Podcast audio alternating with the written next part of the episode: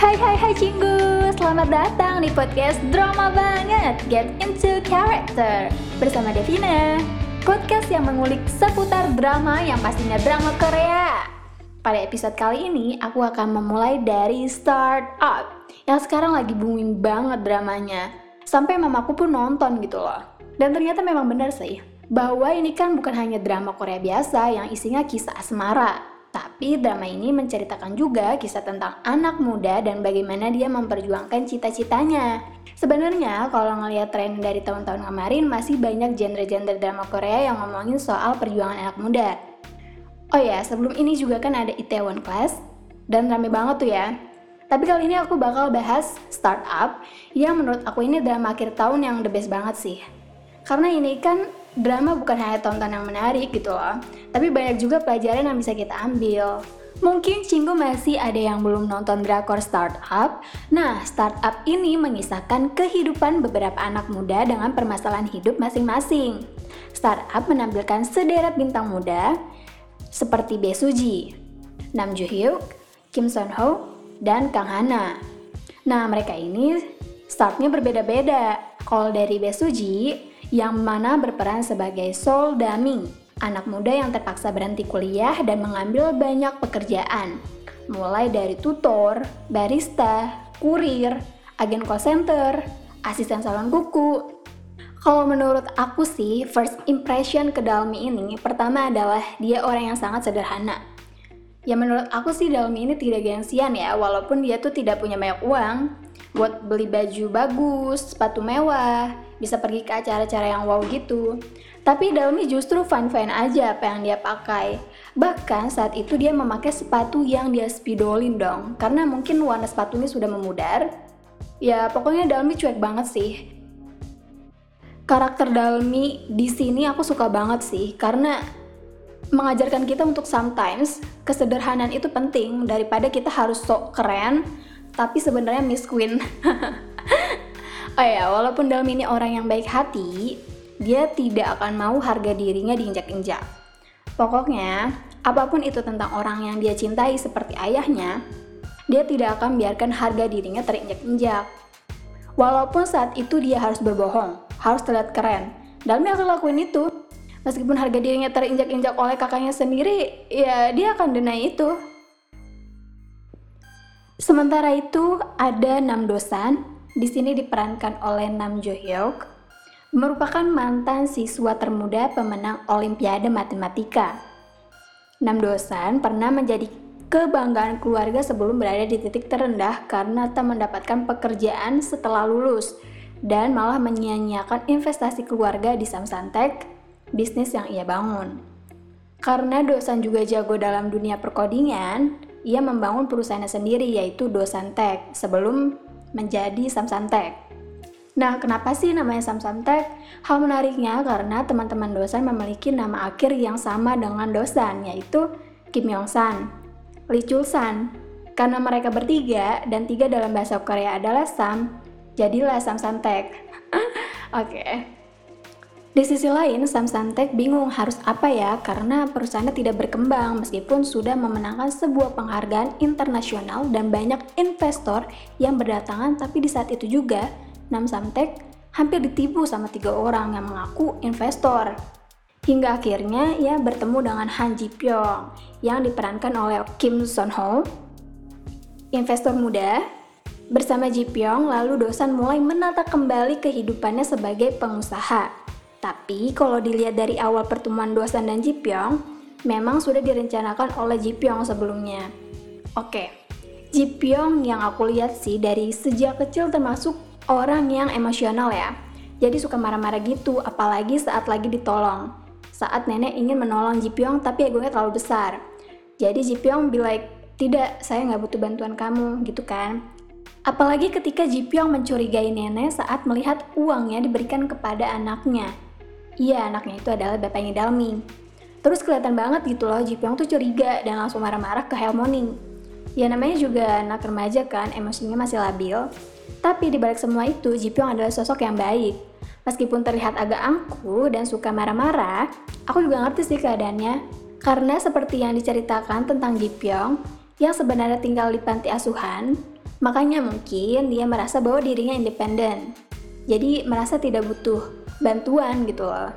Karena dia tidak mau menerima bantuan dari orang lain atau mungkin karena dia takut atau mungkin dia merasa nanti bakal jadi beban gitu. Jadi dia akan selalu berusaha untuk memprofit dirinya sendiri dan tidak mau bergantung dengan orang lain. Atau mungkin selama hidupnya dia sudah menerima banyak kekecewaan gitu. Dan itulah akhirnya yang membuat dia berperilaku seperti itu. Tapi dengan begitu, kelihatan kan kalau Jipyong itu anak yang baik, seperti apa yang dibilang Helmoni, kalau Jipyong adalah anak yang baik hati. Contohnya saat disuruh nenek untuk nulis surat buat Dalmi, ya kan? Meskipun terpaksa, tapi tetap Jipyong lakukan demi nenek. Ya namanya juga anak remaja ya, pasti ada egonya. Tapi sebenarnya banyak banget kebaikan Jipyong yang mungkin membuat Harmony tuh sayang banget sama dia. Nah, tokoh selanjutnya nih ada kakaknya Dalmi yaitu Won In Jae yang diperankan oleh Kang Hana. Yang mana terlihat begitu sempurna dan tenang dalam berbisnis. Inje tidak dilahirkan dari keluarga kaya raya seperti Dalmi. Namun setelah perceraian kedua orang tuanya, dan Inje memutuskan mengikuti ibunya, lalu kehidupannya berubah. Kerja keras Inje terbantu dengan koneksi dari ayah tirinya yang seorang pengusaha. Oleh sebab itu, di balik ketenangan dan kesuksesan Inje, terdapat rasa takut serta upaya untuk mempertahankan posisinya. Jadi menurut aku, pertama kali melihat karakter Inje, dia adalah perempuan yang kuat dan independen. Tipe perempuan yang dia tahu apa yang dia mau. Dia selalu mengusahakan berbagai cara apa yang dia mau. Kata-kata yang aku ingat dari Inje itu ketidakpedulian adalah cara membalas dendam kepada orang yang tidak penting jika orang itu tidak penting, ngapain dipedulikan? Ya maksudnya, biarkanlah netizen-netizen itu berkata apa. Yang penting saya tahu apa yang saya lakukan. Kalau dilihat dari masa kecilnya Inja nih, justru Inja adalah orang yang sangat realistis ya. Jadi dia pengen bisa makan enak, bisa sekolah di tempat yang bagus, dan akhirnya di situlah dia memutuskan untuk tinggal bersama ibunya. Jadi Inja itu tidak akan sungkan-sungkan untuk menunjukkan apa yang dia mau. Selanjutnya nih ada tokoh nenek. Ya, Harmony si Wondok. Asli, aku selalu banget sih sama kebaikan nenek. Jadi nolongnya tuh bener-bener tulus, mau menolong tanpa mengintimidasi gitu. Saat menolong Jipyong, parah sih, emang baik banget. Kayak ikhlas banget gitu. Meskipun si nenek mendapatkan kata-kata kasar sekalipun dari Jipyong, tapi tapi coba bayangin, Harmony malah tetap datang dong untuk Jipyong. Bahkan berlutut untuk memakaikan sepatu baru darinya ke Jipyong. Ya karakter Harmony emang rendah hatinya luar biasa sih. Jadi Nana tuh tidak pernah meminta balasan apa pun setelah dia memberi ataupun menolong. Meskipun Jipyong ini bukan anaknya ya, bahkan gak kenal sebelumnya. Ya aku, ya aku sih berharap Harmony bisa terus bahagia sampai akhir episode. anyway, Selain membahas tentang tokoh-tokoh tadi, pasti ada pembelajaran hidup yang berharga.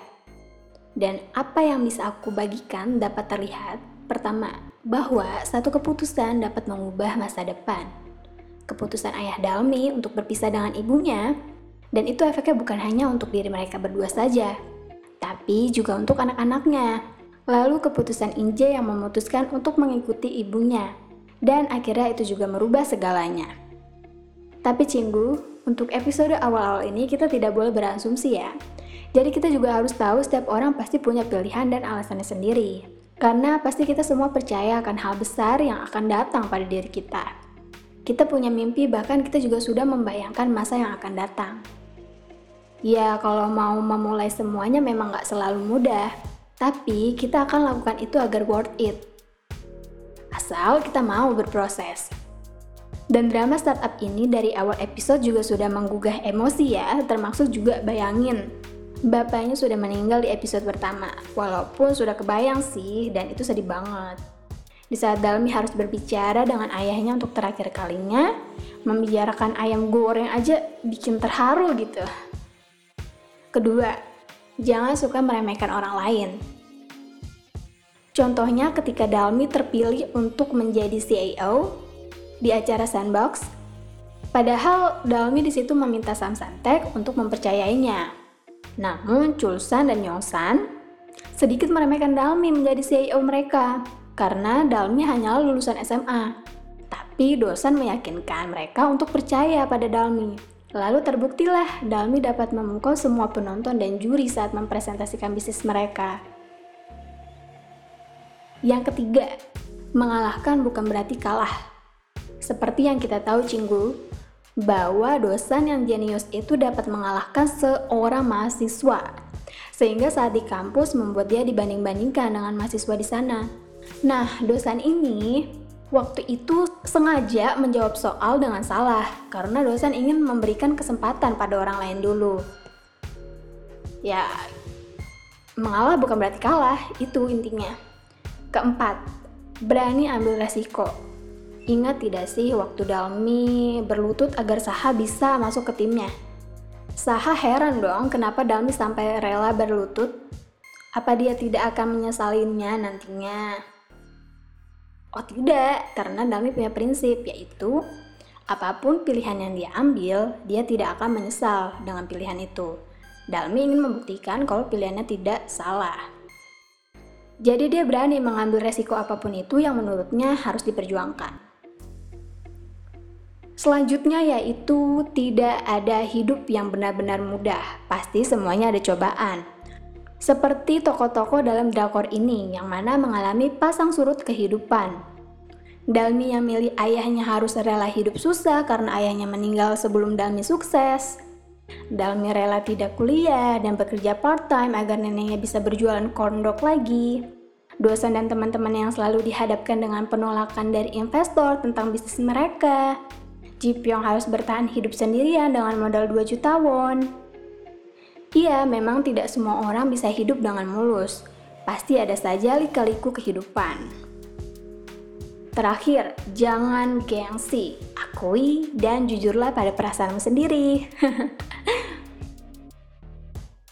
Oke, kita semua tahu bahwa masih banyak episode sedih dan senangnya. Begitu juga dengan hidup kita. Kita cuma ngelihat dari satu bagian aja, padahal kan ini masih berlanjut. Sama halnya di mana kita bisa merubah keadaan. Jadi setuju banget apa yang dikatakan di drakor startup ini. The present moment is a gift too. Itulah, kita harus bertekad gak akan mengisi masa kini dengan penyesalan lagi.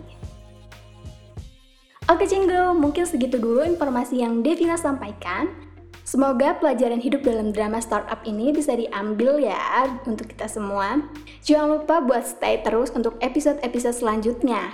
Dan mungkin, mungkin depan kita masih bahas startup nih. Mana tim dosen, mana tim Jipyong? Drama banget!